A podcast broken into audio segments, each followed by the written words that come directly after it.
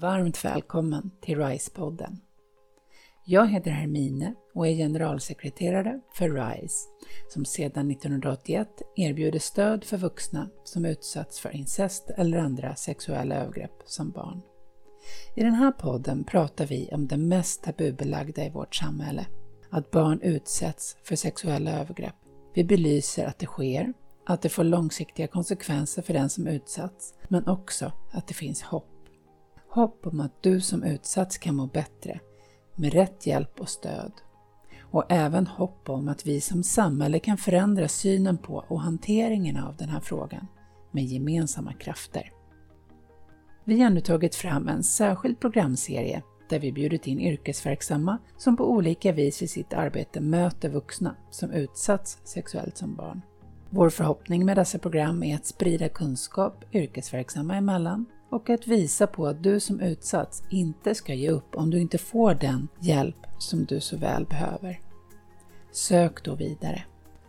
Dessa avsnitt spelades in på distans under en pågående pandemi och jag hoppas därmed att du kan ha överseende med att ljudkvaliteten ibland varierar. Nu lämnar jag över till Agneta Sjödin, vår programledare för dessa avsnitt, och I det här avsnittet fokuserar vi på psykiatrin och de olika yrkeskategorier som du ofta möter. Vården del 2. Tack för det Hermine. Jag heter alltså Agneta Sjödin och vill hälsa dig som lyssnar välkommen till dessa avsnitt av programserien RISE-podden. För mig är det både stort, viktigt och lite utmanande att ta mig an det här ämnet. Det berör, det skakar om och väcker lätt känslor av såväl obehag som hopplöshet.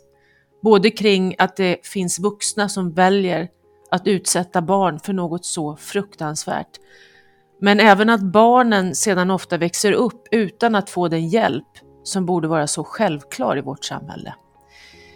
I mina samtal med RISE så har det blivit tydligt att det finns all anledning att prata om det här. Att våga fråga, att våga lyssna och lära av svaren.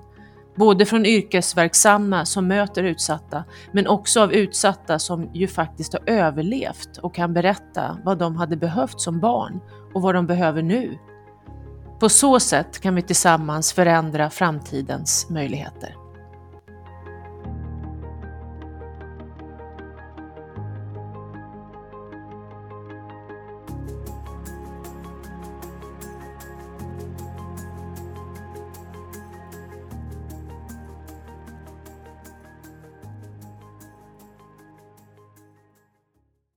I undersökningen Se mig som RISE publicerade våren 2018 så svarade närmare 200 medlemmar i RISE på frågor kring deras upplevelser av vården. Mot bakgrund av detta så har vi valt att fördjupa två av avsnitten i denna programserie på just vården för att sprida kunskap, inspirera och utbyta erfarenheter. Och därför så hälsar jag nu välkommen Anna Hallberg, Joakim Börjesson och Lena Harrison Müller. Varmt välkomna ska ni vara till dagens avsnitt. Ja, jag vet ju att ni alla sitter på oerhört stor och gedigen kunskap som ni var och en skulle kunna fylla ett helt program med. Eh, I detta avsnitt ska vi dock försöka finna likheter och olikheter er emellan och även sträva efter att skicka hopp och kunskap vidare till såväl andra yrkesverksamma som till alla de vuxna som bär på det svåra bagaget med utsatthet i barndomen.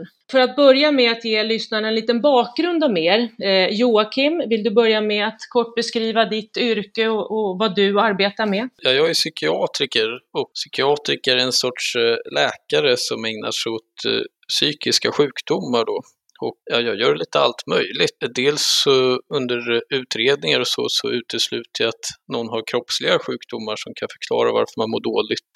Eh, jag gör även en viss diagnostik av psykiatrisk sjukdom och ibland så ser jag antingen till att folk får terapi eller hjälper till med det själv och i vissa fall sätter jag även in eh, psykofarmakologisk behandling. Mm, tack. Och Anna, du är psykolog. Kan du berätta lite mer om hur ditt arbete ser ut och hur du möter utsatta? Jag är psykolog och eh, psykoterapeut, privatpraktiserande. Jag träffar patienter som söker mig privat. Jag gör ju mina bedömningssamtal och behandling och det är psykoterapi och neurofeedback. Lena, du är legitimerad psykoterapeut. På vilket sätt skiljer sig ditt arbete från det Joakim och Anna beskrivit? Jag har ägnat mig väldigt mycket åt trauma och utbildat mig lite extra i just trauma. Så att eh, det är väl det att jag bara träffar i princip traumatiserade patienter och jag blev anställd av nuvarande arbetsgivare för att just göra det. Mm. Vi ska ju börja det här avsnittet och prata lite grann om trauma generellt. Ett ord som vi ofta hör i samhället men inte alltid fått möjlighet att faktiskt förstå. Hur skulle du, Anna, beskriva vad ett trauma är? Jag tänker ju, många när man säger att man jobbar med trauma, så här, åh, inom kirurgi. Eh, för många tror mm. att det bara är kroppslig skada. Eh, men vi pratar ju om psykiska trauman. Och ett trauma kan man väl säga är en eh, smärtsam och chockartad händelse som leder till stress och överväldigande känslor och framförallt en rädsla som jag tänker tar över hjärnan. Och det påverkar hela personen, fysiskt, mentalt och andligt. Det tar över? Det tar över. Mm. Joakim och Lena, håller ni med om den beskrivningen eller något ni vill tillägga där? Ja, jag tänker att vi rent evolutionärt, vi är triggade och trimmade att försöka överleva svåra händelser. Det är alltså så att vi har lite strukturer, liksom vi människor, att kunna fly eller att slåss eller att försöka klara svårigheter på olika sätt. Skydda oss liksom? Jajamän, och trauma mm. tänker jag är att när någonting väldigt, väldigt oförutsett händer, som gör att vi helt enkelt inte riktigt hanterar det där vi är med om som vi inte riktigt förstår alls, som blir nytt och som triggar igång sådana här saker, sådana här överlevnadsmekanismer. Mm. Anna, ville du säga något där? Ja, jag tänker, jag håller ju med. Eh, och jag tänker att det jag inte sa, det är ju att det upplevs som livshotande. Ja. Mm. Alltså det är ett dödshot, man blir ja. angripen och mm. eh, ja, det är fight, flight, freeze mm. eller kollaps. Och mm. kollapsen är ju, eh, alla djur och människor använder mm. kollaps för att överleva. Vi spelar döda. Ja, Joakim, det, vill du tillägga något? Jag tycker det var väldigt bra sammanfattat jag skulle säga att trauma är ju ursprungligen ett kirurgiskt begrepp faktiskt, eh, men som man överför till psykiatriska eh, eller psykologiska verksamheterna. Jag tänkte egentligen bara tillägga något jag läste i en artikel för ett tag sedan. För man pratar om fight and flight och man pratar om freeze-reaktioner. Men på sistone har man på vissa håll börjat prata om tend and befriend också som en reaktion. Vad heter det, sa du? Tend Tend and befriend. Och det kan helt enkelt vara att om man är i en väldigt utsatt eh, situation så får man ett speciellt mönster där man försöker skapa sig nya relationer fort och man försöker vara andra till lags i ett led att överleva helt enkelt. Mm.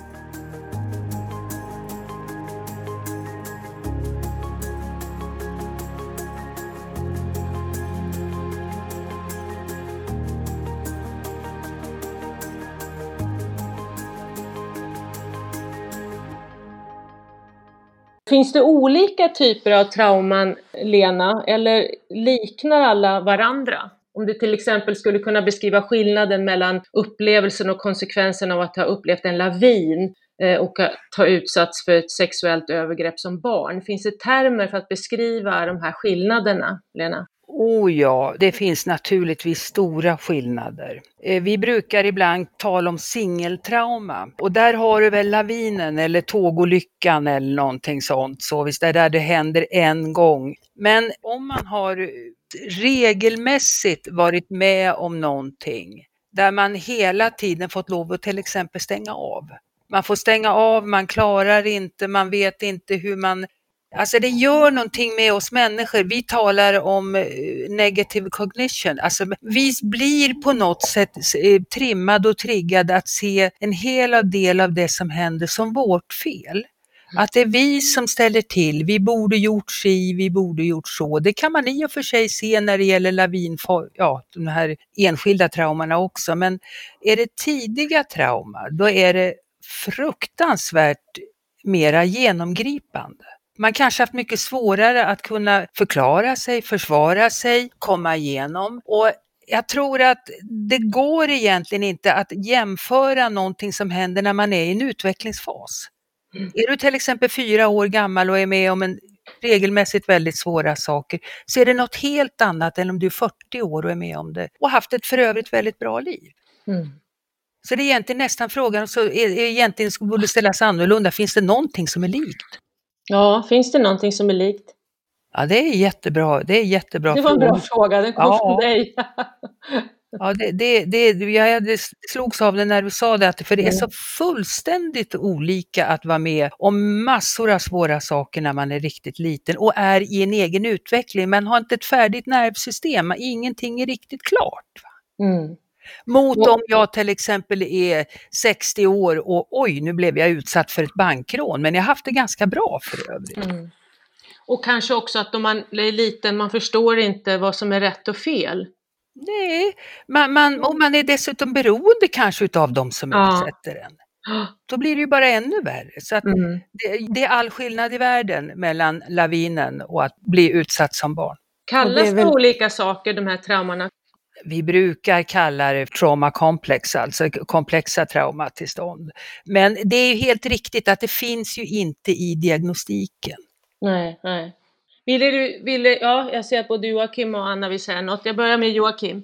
Jag tänkte bara säga att PTSD har man ju ofta konceptualiserat som ett eh, krigsskadetillstånd då. Ja. Att man som vuxen har varit med om eh, hemska upplevelser i krig. Jag tänker att det är viktigt att komma ihåg att de som varit utsatta för sexuella trauman i barndomen inte alltid själva ser på det som ett trauma.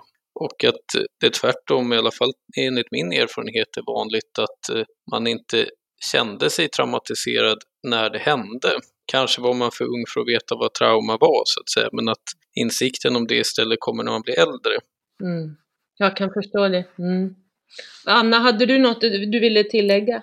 Jag tänkte just med att vi kallar det komplexa trauman, men också, jag tänker, jag tycker ett annat bra ord, och det kanske är fackterm, men kumulativa trauman. Ja. Alltså trauman som byggs på. Och då kan man, just det som barn som är utsatta för flera övergrepp, eh, både som barn och senare kanske tonåringar och hamnar i ja, olika situationer.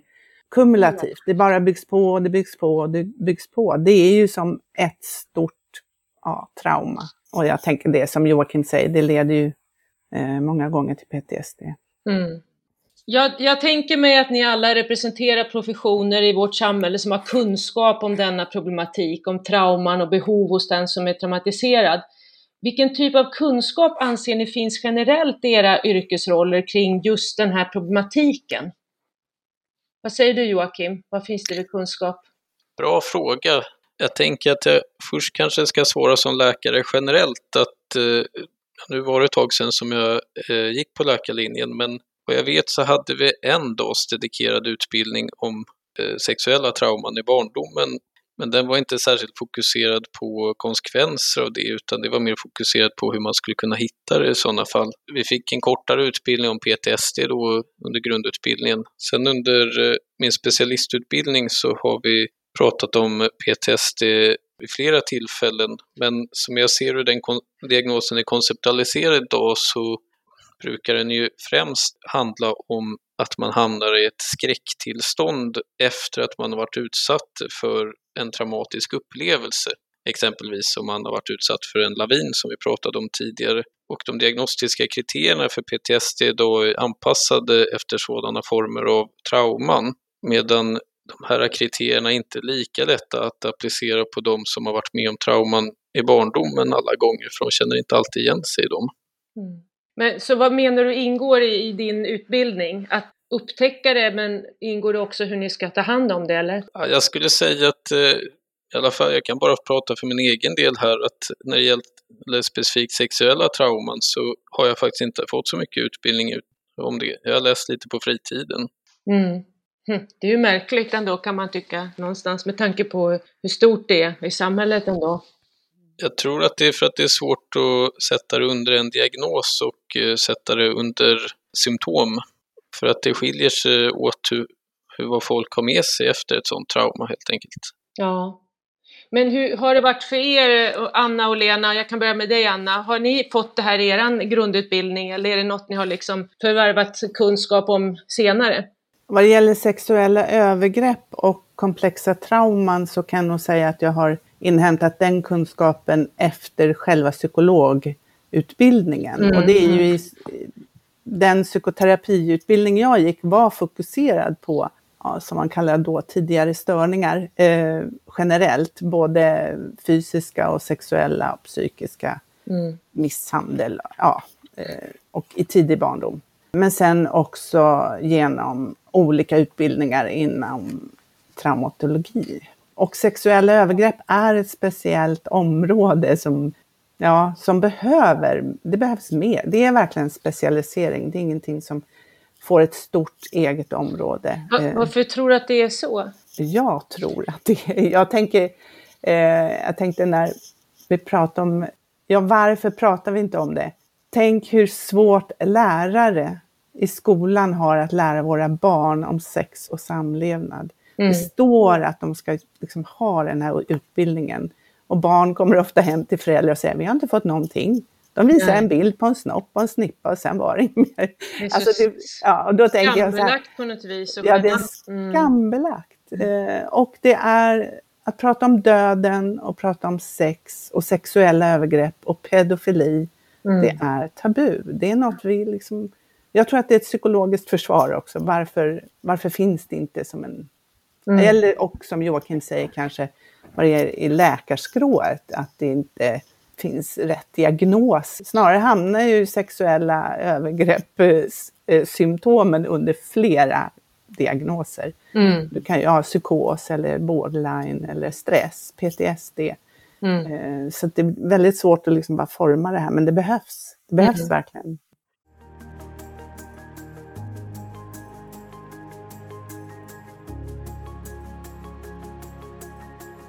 Här är RISE-podden, Vården del 2, tillsammans med Agneta Sjödin.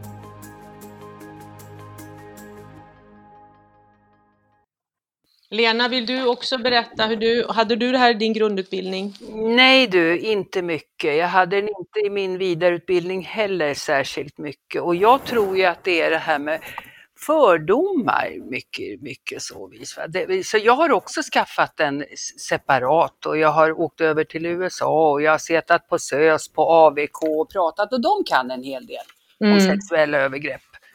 De som fanns där då så vis. Så att det- visst finns det mycket kvar att lära. Vi vågar ju inte ens fråga om våld i nära relationer. Nej, eller hur? Vi är så otroligt... jag tänker så här, vi, alltså många, inte vi, inte jag. Jag kan inte säga att jag är med många. individ. Ja, men Ja, många, många. om man tänker oss som grupp då så vis, Ja. att vi ändå representerar rolig, en massa människor, Mm. en massa vårdmänniskor. Mm. Och det tycker jag är skrämmande. Ja, verkligen. Vi har ju varit inne på det nu, synen och problematiken historiskt och sådär, men vill ni säga något kort om jämförelsen ändå, hur det ser ut idag? Eh, Är det, finns det någon positiv riktning liksom? Ser ni att det sker en positiv utveckling i det här som vi just pratade om? Vill du börja Joakim? Är det samma tycker du som när du började och, och, och idag? Ja, det skulle jag säga. Så Det har inte skett någon större skillnad liksom från... jag, jag har väl egentligen hört eh, av äldre kollegor att det fanns ett eh, fokus på det här under början av 90-talet och att man då hade det uppe på agendan. Jag har också sett gamla tv-klipp och så, att man diskuterade sexuella övergrepp på ett annat eh, vis då. Jag vet inte, ni som var med på den tiden kanske kan, kan verifiera om det jag säger stämmer så att säga, men att eh, pendeln har väl svängt där fram och tillbaka mellan olika förklaringsmodeller. Mm. Det jag vet är att det finns ju många olika diagnoser som ska man säga, konkurrerar om samma symptombild och eh, där har det ju skett vissa förändringar kring diagnosen ADHD till exempel i senaste upplagan av DSM-5 som är den amerikanska diagnosmanualen för ADHD där man tidigare tänkte sig att ADHD eh, ett eh, trauma under uppväxten var kontraindicerat för en ADHD-diagnos eftersom Eh, man tänkte att det ledde till samma symptom som en ADHD, medan idag har man istället ändrat det så att det är en riskfaktor att få trauman om man har en ADHD i botten till exempel.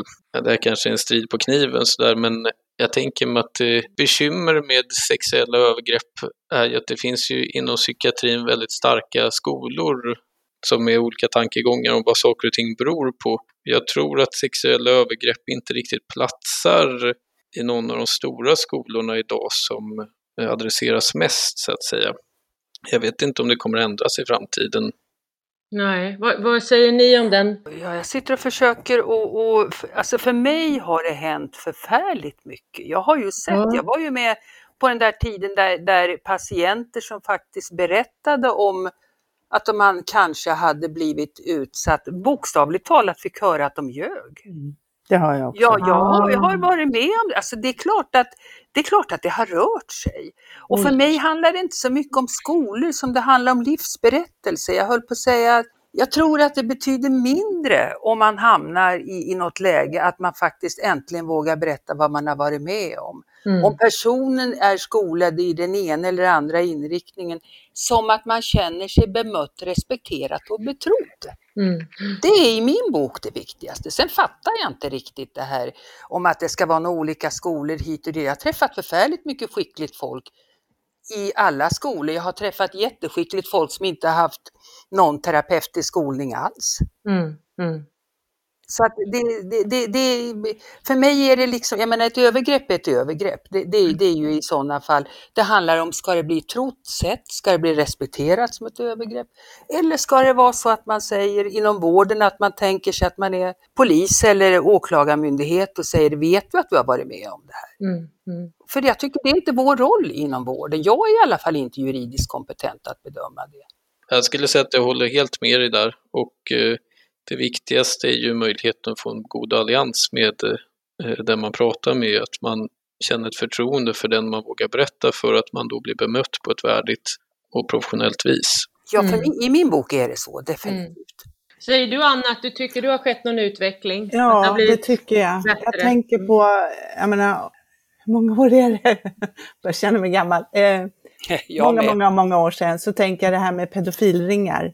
Det trodde man inte på. Man trodde att flickorna ljög och hittade på. Nej, men inte kan väl en advokat göra så? Mm. Nej, men inte Mm. läkaren i byn och så vidare. Mm. Idag så vet vi ju, i alla fall, Ja. jag vet inte hur många i vården som tror på det, men jag tror på det. Och eh, media, jag tycker massmedia har hjälpt till faktiskt. Och jag tänker metoo, eh, det är inte så länge sedan, men det är på något vis öppnar den här boken lite mer för allmänheten, tror jag. Mm. Mm. Jag hoppas i alla fall, jag tror det. Att, Så- det är, att det är tider nu där vi faktiskt vågar prata om sådana här saker på ett sätt som man inte gjorde förut. Det, Ja. där, Åh, Ja, att vi det tror öppnar ju på- naturligtvis upp väldigt mycket. Mm. Mm. I RISE medlemsundersökning Se mig från 2018 så svarade 93 procent att de utsatts för första gången i åldern 0 till 10 år. De allra flesta av en person som stod dem nära och som skulle ha skyddat. Vad anser du att det vanligtvis får för konsekvenser för den som utsätts? Eh, Lena, kan du ge ett exempel? Oj.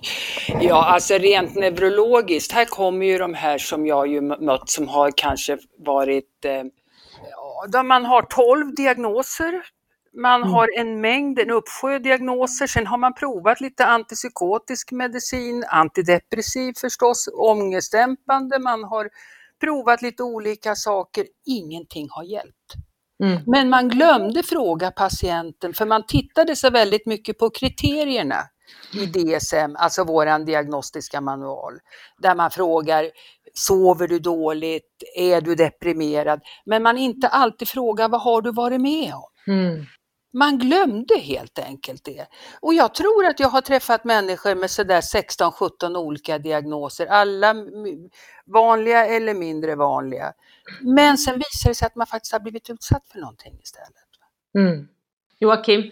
Ja, det det här jag tänker just det bekymret att med de dominerande tankeskolor vi har idag så faller det här lite mellan stolarna. I, Ja, man tänker ju depression och ADHD och ja. eh, för den delen psykossjukdomar och bipolär sjukdom och annat. Och att tankemodellerna som är dominerande idag leder bort ifrån att söka sexuella trauman i barndomen som förklaringsmodell, tänker jag. Mm. Man går inte till botten och hittar liksom roten till... Ja, man Eller? tänker sig att problemen beror på andra saker och Mm. då kan man bli blind för den här frågeställningen. Jag tror egentligen inte att folk tycker att eh, sexuella övergrepp i barndomen inte skulle leda till problem längre fram i livet. Men det är klart att det man, har man lärt sig andra förklaringsmodeller och man är så fokuserad på dem, då är det möjligt att man missar sådana här symptom. Mm. Ja, Men jag tänker på det, om jag får hoppa in där, Ja. Joakim, som du sa för en stund sedan, eh, det som, eh, som du frågar Agneta, om konsekvenserna av det. Just det här att barn inte riktigt uppfattar, alltså det är en människa de ska lita på som utsätter dem för det här och till slut kan det bli någon sorts vardag. Och eh, Joakim nämnde ju då att barn inte riktigt uppfattar att de har varit med om något traumatiskt. Men däremot blir konsekvenserna en massa symptom. Ja.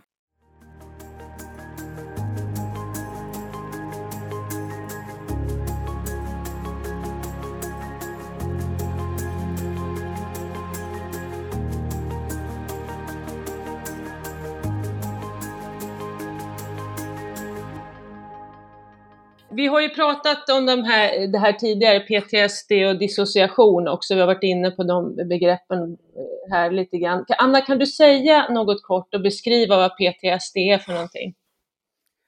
Ja, eh, ordet då, posttraumatiskt stresssyndrom säger vi i Sverige, eh, Ja. men det är ju eh, disorder. Mm. Och det kan ju hända vem som helst egentligen som blir utsatt för ett trauma. Nu har vi pratat om trauma. Och man, jag vet inte, där kanske Joakim kan det bättre. Det ska ju gå en viss tid innan man kan få den diagnosen, men eh, det innebär att personen får olika eh, problem senare i livet. Man undviker att utsätta sig för situationer som kan påminna om det här traumat. Man vill absolut inte komma ihåg det. En del kan ju faktiskt fortsätta att gå och jobba, men de kanske börjar få fobier för det ena eller andra, eller märker att de är rädda för ljud. En del blir väldigt ljud, ljudkänsliga. Mm. Jag tänker att PTSD, som alltid inom psykiatrin så finns det ofta en historisk kontext till varje diagnos och den har ofta skapats i ett specifikt syfte när man har en specifik grupp med människor som har symptom på ett visst vis för att man gärna vill hitta en gemensam nämnare som kan gälla alla. Och jag tänker att jag håller helt med dig där Anna, att PTSD som den är konceptualiserad är ju nästan mest lik en specifik fobi om man läser kriterierna fastän man är, till och med så rädd för det man varit utsatt för så man är rädd för att tänka på det. Och många brukar ofta beskriva att man får flashbacks till exempel, att man blir påmind om saker som har haft med traumat att göra. Och det räcker för att man på olika vis med kraftiga försvar eh, se ser till att, ja, det är ju omedvetet då, men att man blir distraherad från det som har skett så att säga.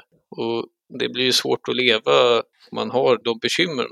Jag tänker mig att det som är svårt med eh, komplexa trauman och sexuella övergrepp i barndomen är att de inte alltid eh, i vuxen ålder, vad jag har varit med om i alla fall, får karaktären av att personen blir livrädd för just det det handlar om så att säga. Utan jag tänker mig att det även har med inlärning att göra, att man helt enkelt har fått en annan sorts barndom än vad många andra har fått.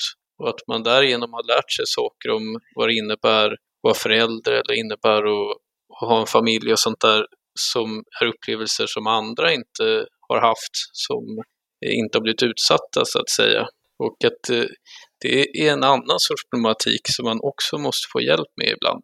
Mm.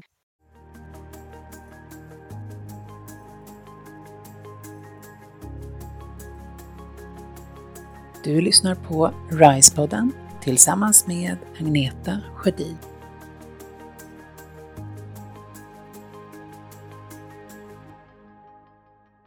Lena, kan du berätta lite grann dissociation? Vad, vad innebär det? Dissociation är ett bristtillstånd, väldigt ofta förknippat med väldigt, väldigt tidiga trauma. Anna, ville du säga något där? Det är en överlevnadsmekanism. Det är, alltså, det är vår hjärna. Jag tycker vår hjärna är fantastisk som hjälper Mm. oss att slippa vara med, alltså medvetna om vad som händer när det händer.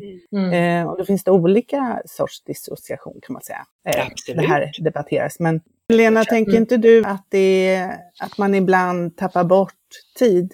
Jo, absolut. Ja. Amnesi är oerhört Ja, att man glömmer, alltså att man Ja, vet men- inte att jag var i stan i förmiddags, för nu sitter jag här och så säger någon, "Nej, men du glömde din väska. Va? Ja, var ja, oh där." ja, oh ja. En hjärna som är fokuserad på att nu måste jag hantera det här. Nu måste jag klara av de här svåra minnena. Sitter inte och räknar busshållplatser som jag ska passera innan jag kan gå av. En sån hjärna kanske inte kommer ihåg vad jag har handväskan heller. Mm. Utan den hjärnan tappar bort vissa saker, det händer grejer, det, saker försvinner, ändrar sig. Mm.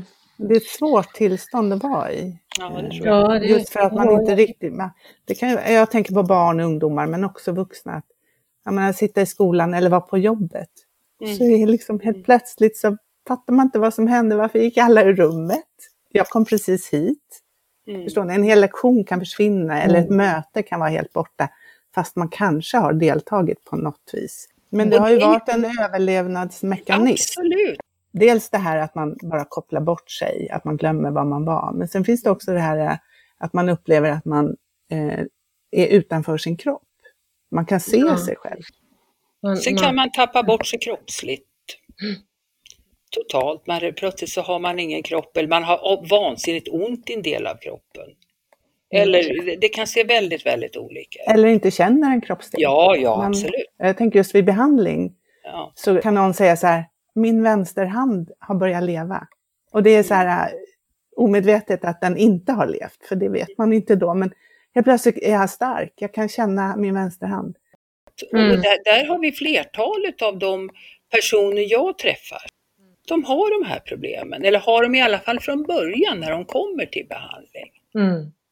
Får jag säga en sak till Ja. som, som inte så många har hört talas om?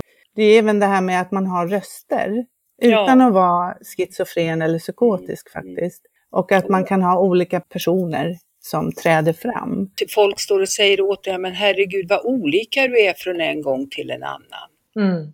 Det är också konsekvenser av trauma ibland. Inte vad vi ser lika vanligt. För det här är också något som personer gömmer, eller den kanske personen som är dominant i en person gömmer Mm. för andra. Och särskilt för vårdfolk som inte tror på en. Då Ja. blir det antipsykotisk medicin och så blir man helt groggy. Jag måste hålla med där om Mm. att eh, det finns en jättefara i, jag har också varit med om det när jag beskrivit där med att eh, människor som har hört röster men som man mer skulle kunna se i PTSD-termer skulle man kunna kalla det för flashbacks, eh, Mm. har eh, bedömts som psykotiska då. Men att det är väldigt viktigt eh, att som läkare i sådana lägen efterhöra med patienten vad de själva har för idéer om vad de här rösterna beror på. Eller Min vill. erfarenhet är att rätt fort då brukar komma fram att de är medvetna om att det är kopplade kanske till traumat eller kanske till åtminstone någon form av psykisk sjukdom och att det skiljer sig rätt mycket åt med ett klassiskt insjuknande i psykos skulle jag säga. Men jag har dessvärre sett flera fall som har blivit eh, felaktigt diagnostiserade med psykossjukdom. Men Ja. alla patienter drabbas nu inte av dissociation. Nej, som Nej, det jag var det inte vi pratade om. tidigare. talas om det lika mycket som PTSD. Det, det är klart att, men, men om man tänker sig ett kontinuum, där, där Mm. den ena skalan på PTSD, det är singeltraumat, där har du din lavin. Mm. Mm. Det andra, det är det här oerhört allvarliga. Du har inte haft, du har haft svår anknytningsstörning, du har haft tillitsbrist sen, sen alltså det, du har inte, egentligen är det ett under att du har överlevt, men du har gjort det ändå. Mm. Så att det, det är klart att de här korta, de brukade vi säga att tre, fyra gånger i EMDR, så, Mm. de här singeltraumarna. Men den andra gruppen, där det har varit många gånger, man har, de människor man är beroende av, man har farit väldigt illa, där är det längre behandlingar. Mm. För det handlar jättemycket om att integrera. Jag ska kunna lära mig både leva och försöka lugna ner mig själv, vilket är en jätteviktig grej. Oerhört viktig grej att lära sig självreglera på olika sätt. Och man ska också lära sig att hantera det som har hänt. Och lära sig att det här händer aldrig mer igen. Jag har överlevt det här. Och det är stora saker. Ja. Men det går ju. Ja, det Men så. dissociation är liksom ingen quick fix. Nej, Det nej, är inga snabba, snabba behandlingar. Jag kan det inte, det är inga korta behandlingar. nej. Och det är tyvärr väldigt lång tid innan folk får hjälp överhuvudtaget. Sju år sedan. Jag har hört samma siffror, jag tror jag har varit på samma föreläsning. Så Hjälp. att det, ja, det Mm. tar jättelång tid innan man får hjälp.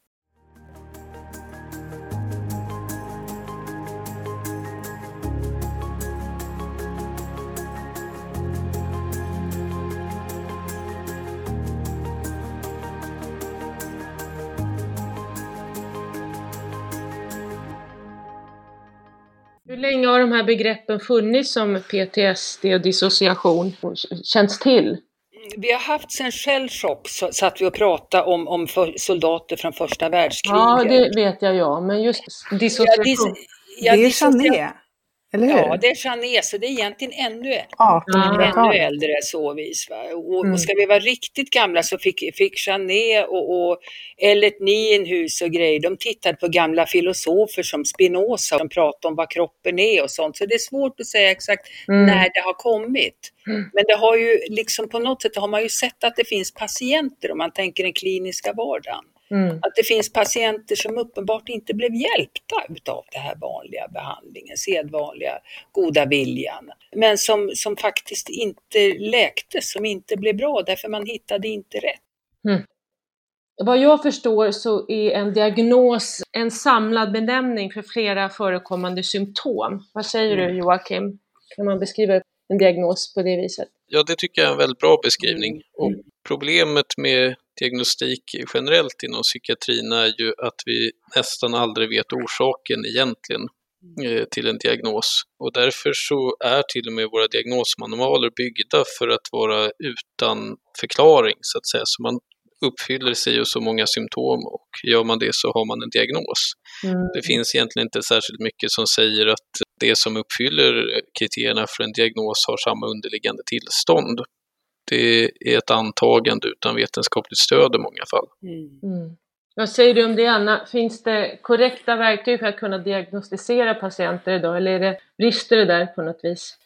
Jag tror att man behöver många verktyg, men framförallt lyssna på patienten, patientens symptom. Eftersom vi pratar om den här gruppen nu så är det ju, vad är patientens bekymmer? Och det kan vara, det är liksom högt och lågt. Eh, Jag vet inte om man frågar om hygienfrågor när man gör, sätter en diagnos i psykiatrin.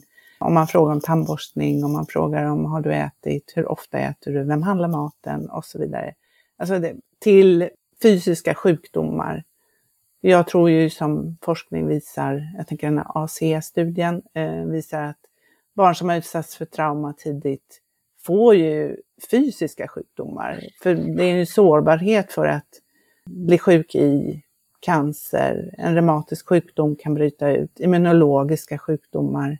Ja, det finns en rad massor med, eh, alltså som handlar om då symptom kan man säga på Mm.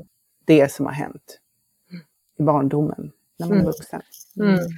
Så jag vet inte, diagnos, nej jag går på symptom. Försöker Ja. ställa så hundra frågor. Nej, men, ehm, Vad säger du Lena om de utsatta du möter, om diagnoserna där? Ja, alltså jag möter ju människor som kommer, jag sitter på en psykotera, liten psykoterapienhet. Och då får jag ju fortsätta bedöma. Då har jag en del, ett litet batteri med papper kan man säga, som man Mm. får fylla i. Några bedömer jag, nå- några och, och en hel del fyller man i själv, som självskattning. Och det är klart, sen går man ju igenom det där tillsammans och tittar. Men jag får ju hålla med Anna att naturligtvis så är just det här att fråga. Att, att få, få, vad, vad, vad beskriver den här personen som sitt dilemma? Jag tycker nog kanske att väldigt ofta av dem jag ser, men då ser jag ju inte alla. Men det är kanske just därför de kommer till mig då, eller till oss. Att de vuxna som jag träffar som har blivit utsatta som barn, Mm. de har ofta en klar bild av vad de har blivit utsatta för. Eller de har förstått, fått en klar bild och, och har ett stort lidande. Så det brukar sällan vara det att man liksom inte vet alls, utan, för det gör man ofta. Men är det några diagnoser som återkommer som är vanliga liksom? Förekommande man har blivit utsatt som barn? PTSD är naturligtvis Mm. jättevanligt. Mag-tarmsjukdomar. Ja, Mm. herregud. Eh, urinvägsinfektioner, halsinfektioner, eh, gynekologiska grejer som vuxen, blödningsrubbningar. Mm. Ja, det, Otroligt. Borderline har jag hört någon nämna också. ja precis. Är Det det är vanligt? Mm. Det är vanligt. Visst är det det. Visst är det ADHD, borderline, Asperger, autistisk. eh, Alltså de, eh, jag har träffat, de har haft massor med diagnoser som man sen så här sätter frågetecken. Och, Mm. mm. Men de här diagnoserna kan man också få utan att ha blivit traumat- alltså utsatts Oh, för ja. övergrepp? Ja. Oh, Jo, ja. men det är Ja. lite det Joakim sa nyss om Mm, eh, mm. Hur, hur en diagnos funkar. Ja, Det är liksom ett antal symptom som då kanske stämmer in på borderline just idag. ja. Eh, Sen om ett år så kanske det stämmer in på Asperger. Jaha, då måste vi ändra. Så det är ju, Oj, det är komplext. ja, och så får man mediciner och man får olika behandlingar som är då diagnosspecifika. Snarare än att tänka vad är eh, ja, sexuella övergrepp i barndomen specifika.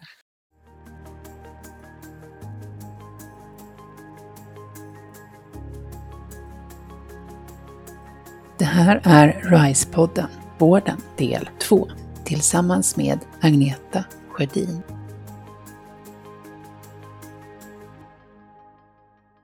Finns det andra behandlingsalternativ som är bättre än mediciner? Vad säger du om det? Anna? Jag har ju upptäckt på senare år så har jag lärt mig neurofeedback. Det är en Mhm. biofeedbackmetod som är helt icke, vad ska man säga, icke-invasiv heter det. Och det betyder att man stoppar inte in någonting i personen utan den får träna hjärnan. Eh, hjärnan får träna sig själv att optimera sig. För att eh, när man utsätts för trauma i barndomen, så, något som Lena nämnde, så stannar ju utvecklingen. Mm. Eh, och utvecklingen den pågår ju från hjärnan, eh, både vad det gäller ja, eh, mentala funktioner och kroppen. Eh, och neurofeedback är en, är fantastiskt för att lugna hjärnan. Om man tänker att många som har jobbat med terapier med traumatiserade kan ha hållit på i 15-20 år. Eh, och sen kanske pers ja, personerna börjar kanske må bättre och jobba och så vidare. Men de tycker fortfarande att det här surret finns kvar, rädslan finns kvar, men de funkar i samhället.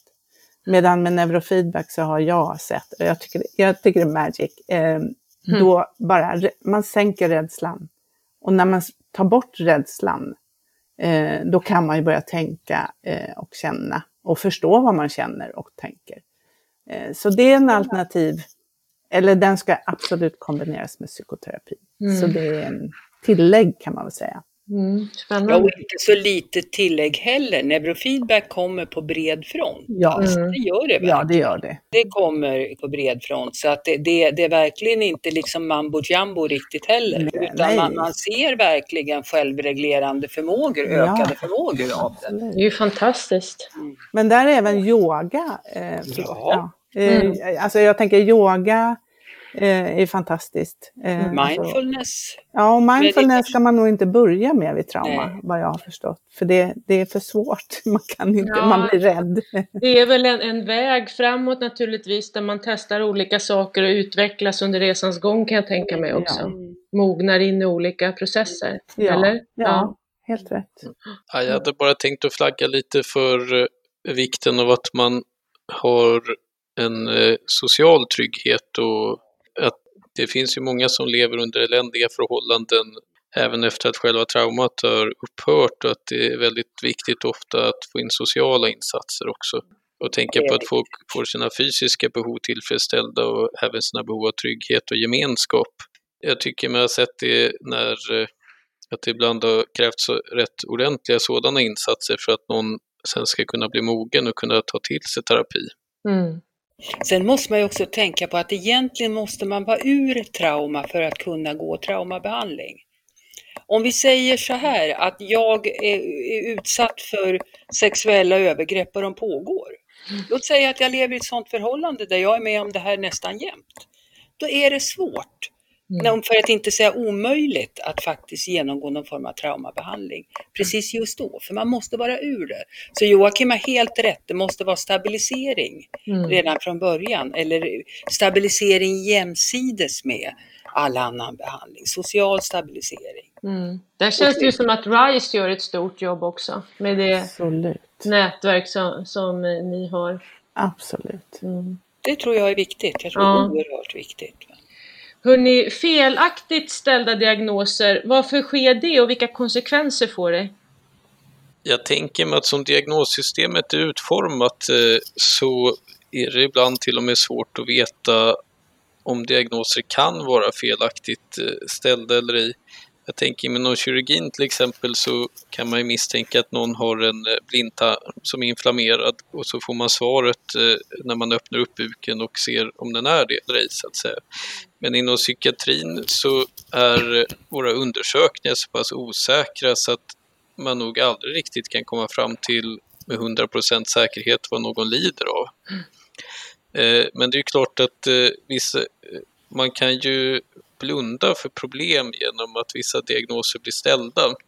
Och att eh, då kan man ju hänföra någon symptom till de diagnoserna då och kanske blir man inte lika nyfiken och eh, lika receptiv eh, för information som skulle kunna leda till att man får reda på de här problemen. Mm. Jag tänker på, på några av de patienter jag träffade för många, många år sedan. Där jag har ett, några sorgliga fall där ingen lever mer. Mm. Därför att man faktiskt valde att sluta, avsluta sitt liv. Så det är klart att det kan få fatala konsekvenser mm. om man aldrig blir trodd, hörd eller respekterad eller förstådd. Mm. Vad är vi på väg i framtiden? Vad, vad ser ni som är, kan bli bättre? Vad, vad, vad jag skulle önska fler specialistmottagningar. Mm. Ja, Bara för vuxna som utsatts för sexuella övergrepp som barn. Eh, alltså att det är en specialistmottagning. Och det finns ju en i Stockholm, jag vet inte om man ska nämna Vonsa. Eh, som jag Hur tycker... ser en sån specialistmottagning ut? Ja, de har läkare, psykoterapeuter.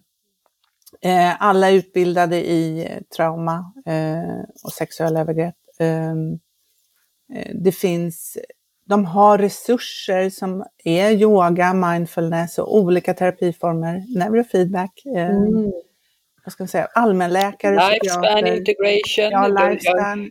Det är mycket under samma paraply. Ja, ja. och eh, jag menar, de skickar vidare dit en person behöver, om man behöver gynekolog så skickar de, ser de till. Ja, men den är fantastisk tycker jag. Det skulle mm. vara massor av de mottagningarna. Och jag tror vi måste komma ihåg att vi är själva en parentes. I mm. framtiden så har man på samma sätt som jag kan säga att det har kommit förfärligt långt från då jag började, så är vi en parentes nu. I framtiden, forskning slutar ju inte, det stoppar ju inte här, mm. utan jag är helt övertygad om att det finns väldigt mycket positivt som kommer. Mm. Jag tänker så här, ja, om, om politiker, om vi väljer rätt politiker så kommer ja, förhoppningsvis det här eh, växa, det positiva. Mm. För det mm. finns ju faktiskt de som fortfarande inte tror på barn. Det, det är liksom risken med det hela. Så mm. det är ett jätteviktigt jobb vi alla har, eh, att liksom få, ja, verkligen lyfta det här. Och mm. skolorna skulle jag vilja gjorde lite mer. Ja, det kan jag verkligen hålla med dig. Jag tycker att metoo-upproret eh, verkar ha varit väldigt viktigt och jag tänker egentligen att den här podden kanske är en del i sorts eh, ökad allmän medvetenhet om de här frågorna. Och mm. det ser jag med tillförsikt inför. Mm. Ja, det är bra. Det är positivt.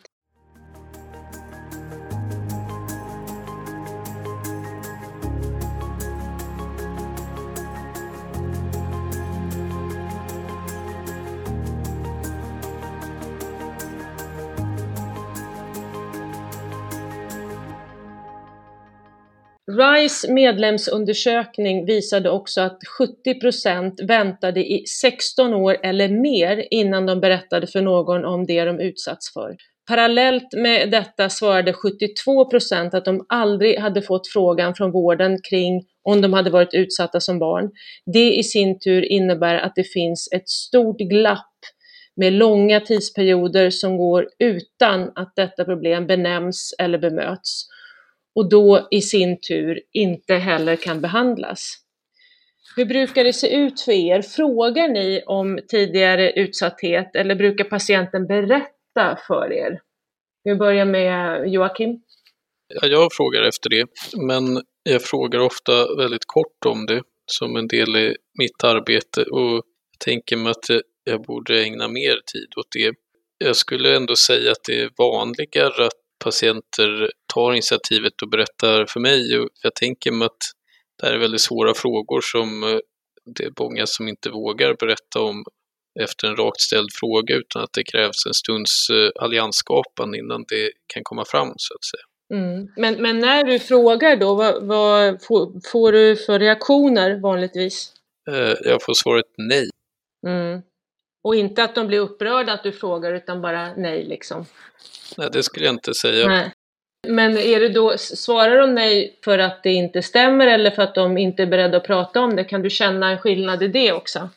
Jag tror att man som patient ofta vill känna av och känna om det är rätt läge att berätta om sådana här frågor. Och jag tänker mig att det finns en poäng i att ha en som frågar rätt tidigt för att visa att man har möjlighet att prata om så på en mottagning. Men jag tror att man inte riktigt kan förvänta sig alla gånger att det hela kommer fram innan man har en ordentlig allians. Mm, nej, sant. Vad har ni för erfarenheter, Anna? Vad säger du? Ja, jag frågar för det mesta mm. eh, i, i mina bedömningssamtal. Mm. Så har jag ju vissa frågor jag vill gå igenom som är mer, eh, alltså jag vill ju att personen berättar varför de söker. Och söker de för stress och är arbetsföra, då kanske de inte berättar att det är just det som också finns i bakgrunden. Mm. Men ja, jag frågar kring alkoholkonsumtion, droger, mediciner. Har du varit utsatt för övergrepp eh, när du var barn eller vuxen? Mm. Sexuella eller fysiska? Jag frågar om tro. Det är också något som jag tycker många missar. Mm. Om man är troende eller inte. Om man har haft självmordstankar eller gjort försök. Det är också något som är tabu att fråga om. Och då är det så här, jag frågar de här frågorna för jag vet att det är så laddat eh, och att många inte ställer dem. Och jag vet att det är inte alla som säger ja på frågan, utan varför jag ställer frågan i början är för att de ska veta att jag är beredd att prata om det. Mm. För har jag inte ställt frågan, då är det som Nej, att kommer det liksom inte fram. Ja, precis. Det är bra. Eh, och när jag tror att det finns, eh, att det är liksom, när någon svarar nej, det tror jag inte. Mm. Då tror jag att, då har man inte svarat nej. Men Joakim har en, du har en nej. Så jag brukar höra nej, det tror jag inte. Då säger jag, det kan vila, du kommer säkert på mm, under tiden vi pratar. Mm. Mm, Lena, du, ställer du frågan eller kommer, berättar de Ja, alltså jag är väl lite grann sist i kedjan. Mm. Eh, det har ofta varit massor med bedömningar innan. Man mm. har en läkare, man har ofta träffat folk i ett bedömarteam där man kanske har gjort neuropsykiatriska utredningar, man har gjort jättemycket. Så det här har väldigt ofta kommit fram. Väldigt ofta så kommer de ju för att de har bett om, jag mm. måste få prata om det här. Mm då är det ju liksom, då, då har man ju mera ett mandat direkt. Upplever ni att de eh, patienter som kommer till er, eh, att de är väldigt pålästa själva, att de är medvetna om vilka konsekvenser det de har utsatts för har fått?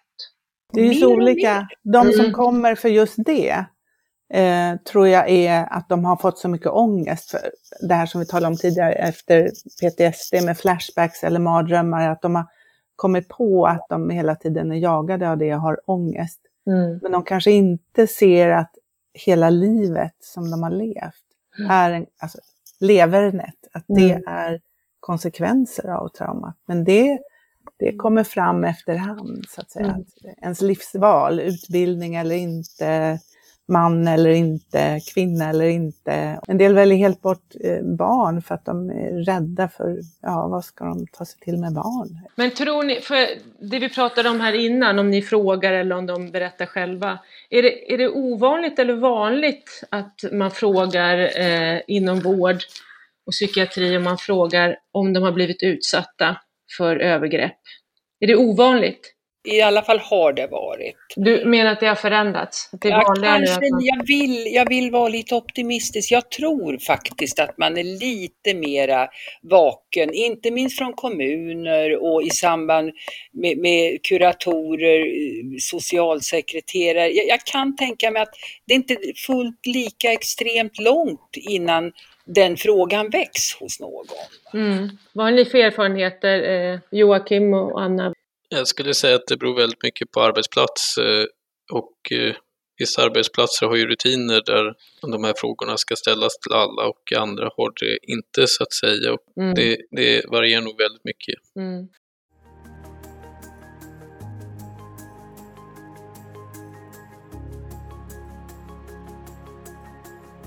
Du lyssnar på RISE-podden tillsammans med Agneta Sjödin.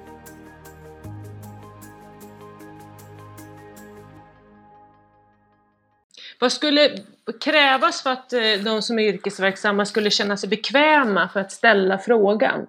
Finns det något? Utbildning. Utbildning. Saknas det utbildning på det här området? Alltså jag tänk, nu är jag privatpraktiserande men eh, jag, har ju, jag köper mina utbildningar själv. Mm. Jag vet att det behövs.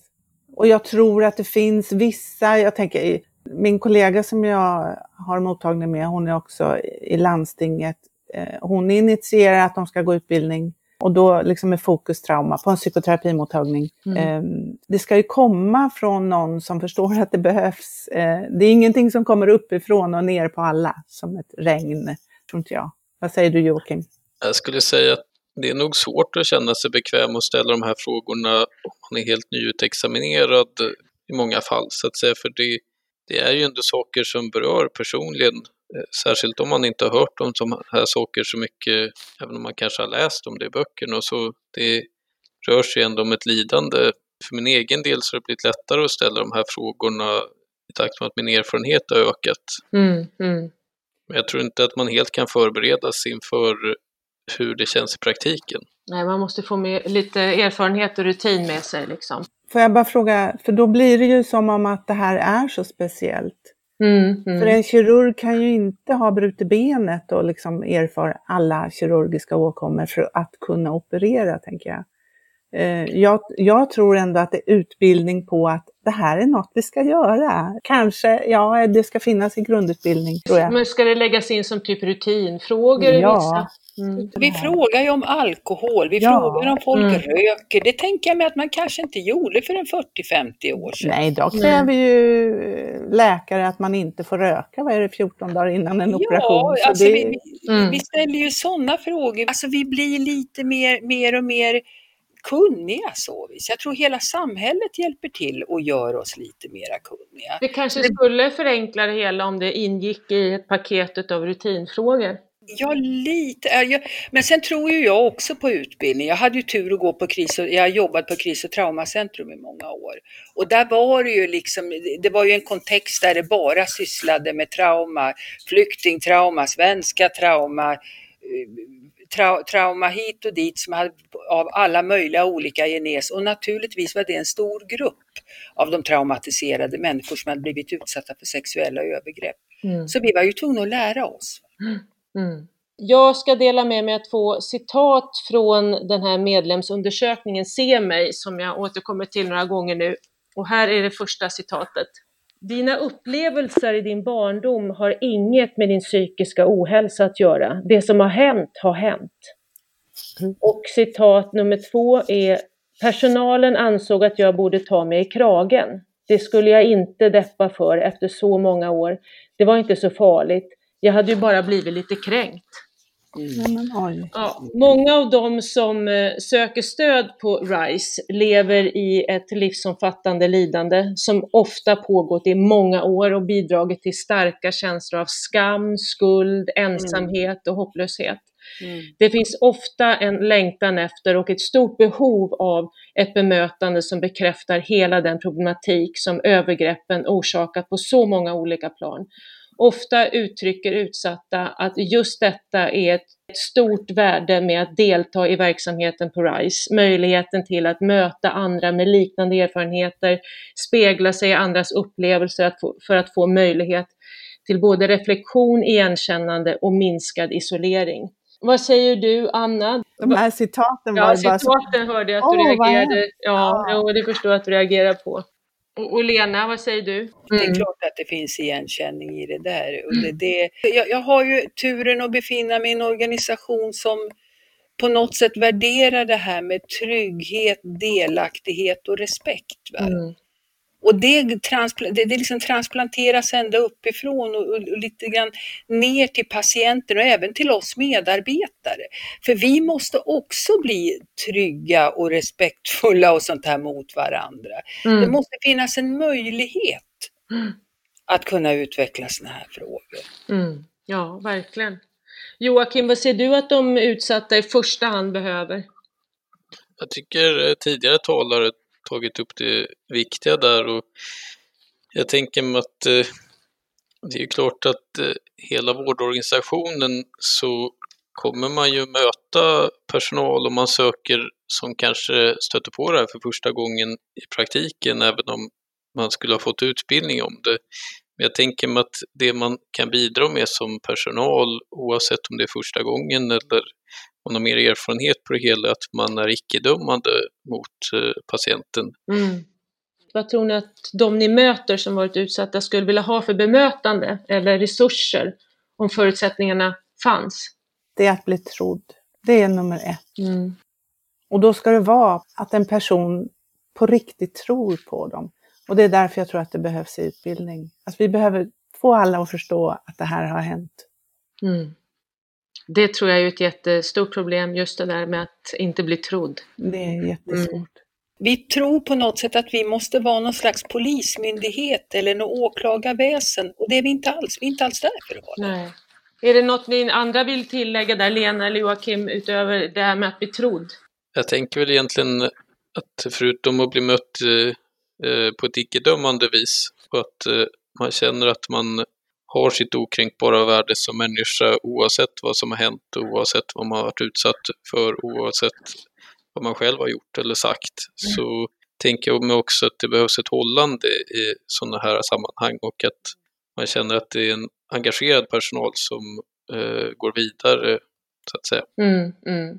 Eh, vi vet inte minst efter vårt samtal här idag att sexuella övergrepp i barndomen ger en skadlig påverkan som tar sig uttryck på olika vis. Skulle ni säga att den här skadliga påverkan är reversibel och vilken typ av behandling eller inriktning på behandlingar anser ni då krävs? Om det nu är reversibel. Anna? Ja, reversibel. Alltså mm. att allting skulle försvinna. Nej. Ja. Alltså man, ju, man har ju levt med sina symptom. Men däremot mm. kan man få ett gott liv, det tror jag. Mm. Man kan eh, absolut kunna leva på ett sätt som man kanske inte gjorde innan. Mm. Så behandling eh, och behandling, ja alltså behandling och omhändertagande, då tänker jag på RISE, mm. men också andra eh, åtgärder. Eh, det kan ju stärka en person att förstå att jag har också en plats i livet. Och jag är en människa som alla andra, för det är faktiskt många som inte riktigt kan känna det. Man har samma rättighet som alla andra. Att man inte ska behöva gå med skam i pannan, för det är många som tror att det lyser skam i pannan. Mm. Men jag tror att det kan man få, eh, det kan man få bukt med. Mm. Eh, hur man ser på sig själv. Och vet att det är inte den här personen som har gjort fel. Det är inte den som ska bära skammen. Jag brukar säga så här, den där skambollen, den ska kastas på förövaren och samhället. Mm. Den ska bäras av den som äger skammen och det är förövare. Det är absolut inte offer. Mm. Ja, jag kan prata jättemycket om det där.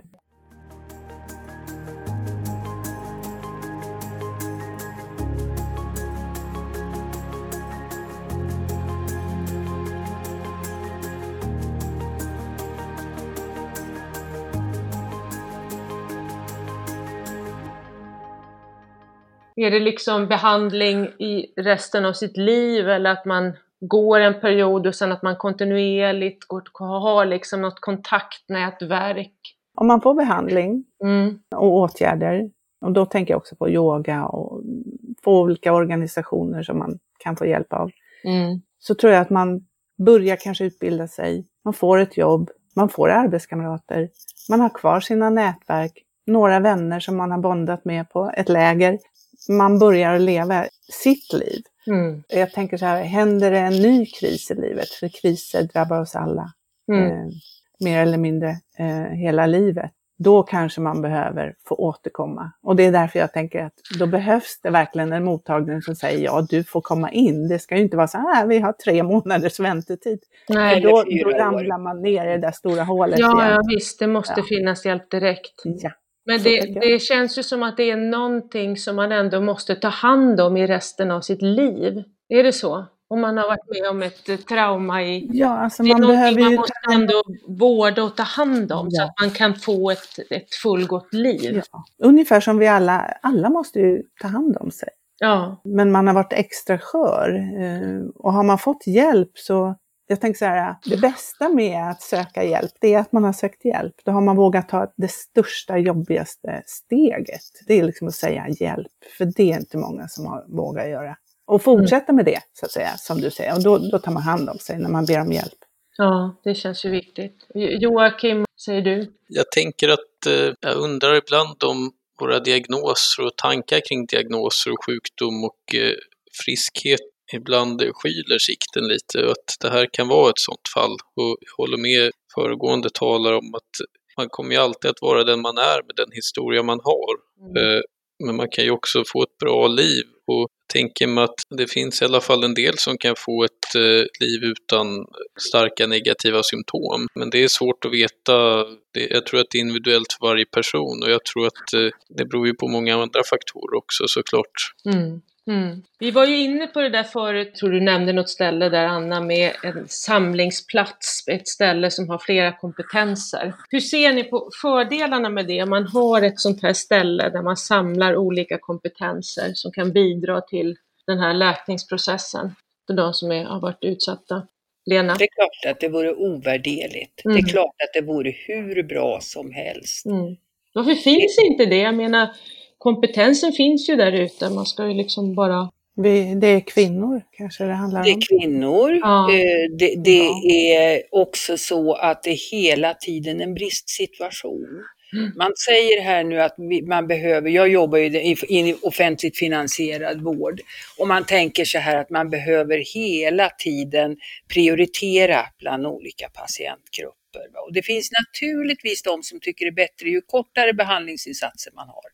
De här patienterna, precis som Anna sa, det är ofta att Alltså jag har ju patienter som behöver en boosterdos, kanske någon gång per år. Eller någon gång varje halvår. Mm. Sen lever man ett, ett riktigt, vad man själv uppfattar som ett schysst liv. Mm. Och det är ju ändå det som är det viktigaste, så vis, vad man faktiskt själv uppfattar. Det skulle finnas mer av en förankring runt omkring, att kunna komma tillbaka till folk som har haft det kanske likadant. Jag Mm. leder ju till exempel stabiliseringsgrupper för PTSD-patienter. Mm. Mm. Och jag ser vilket enormt behov det finns av det.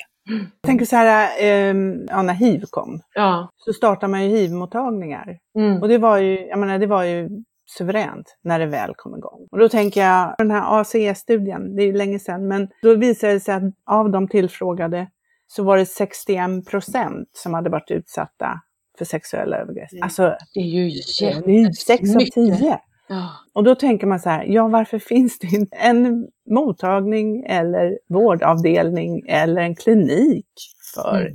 det här på varje sjukhus? Precis som det finns för ja, Parkinson, Alzheimer och hiv. Ehm, så det är ju, Och vi vet ju svaret på det allihopa, så att det är därför det är så viktigt att vi vågar prata mer om det som, i sådana här sammanhang till exempel, för då kanske det sker en förändring, eller hur? ja, Så det är väl det här som måste till, antar jag, att vi vågar börja prata om det. ja, att vi pratar. Ja, det Och tror jag. det känns ju som att det har förändrats den senaste tiden. Och det kanske var metoo också som var lite eh, avstampen för det. Att det människor, och sociala medier, det, finns ju, det är både gott, gott och ont med sociala medier, men där sprids det också sådana här saker. Mm. Att, Ja, eh, Den här Absolut. föreningen som vi sitter i nu, i, i den här kontexten, är faktiskt ganska gammal. ja, Den är, den är betydligt äldre än metoo. Ja, och jag tycker det är så fantastiskt vackert att den finns och att den har överlevt så länge och att den växer och att den är så oerhört betydelsefull för så många. Det har man ju förstått. Så det känns ju fantastiskt.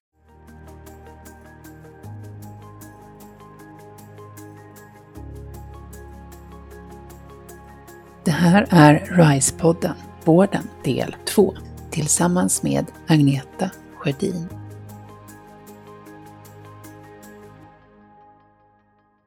Hörrni, tiden går fort och vi behöver avrunda för den här gången. Eh, jag skulle vilja avsluta med att fråga er alla tre vad som är det viktigaste medskicket ni skulle vilja göra i den här podden, både till kollegor och till den som nu är vuxen och har utsatts eh, som barn. Om vi börjar med, med dig Lena.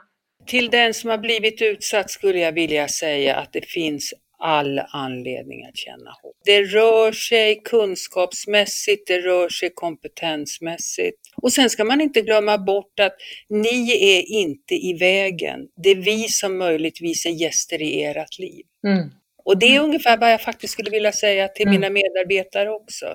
Det är patienten som, som är inte i vägen, är, inte störande, är inte en problemfaktor. Det är vi som är gäst i deras tillvaro, så vis i deras liv. Mm. Har man kommit så långt som man faktiskt vill börja prata om det här, då är det jättebra. Ja. Så, då är väldigt mycket vunnet. Mm. Anna? Ja, Jag skulle vilja säga att till den som söker hjälp säger jag, du är experten. Ja. så är det. Det är verkligen så. Och du har, du har ingen sjukdom, du har haft en barndom som ställde till det. Mm. Det är vad jag tänker. Ehm, och till alla som arbetar inom vården, våga fråga. Och våga ta mer kunskap, Mm. hämta in kunskap. Mm, viktigt. Joakim, då får du sista ordet. Till kollegorna skulle jag vilja säga det viktigaste är att vi är icke-dömande eh, i vårt bemötande.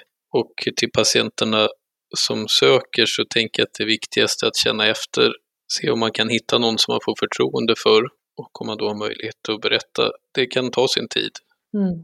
men eh, jag tror också att det är värt det. Mm. Ja, jättebra. Stort tack till er alla tre för att ni tog er tiden och för all er klokskap och kunskap som ni har delat med er av. Det var, känns jättefint att ni gjorde det. Viktigt, viktigt, viktigt.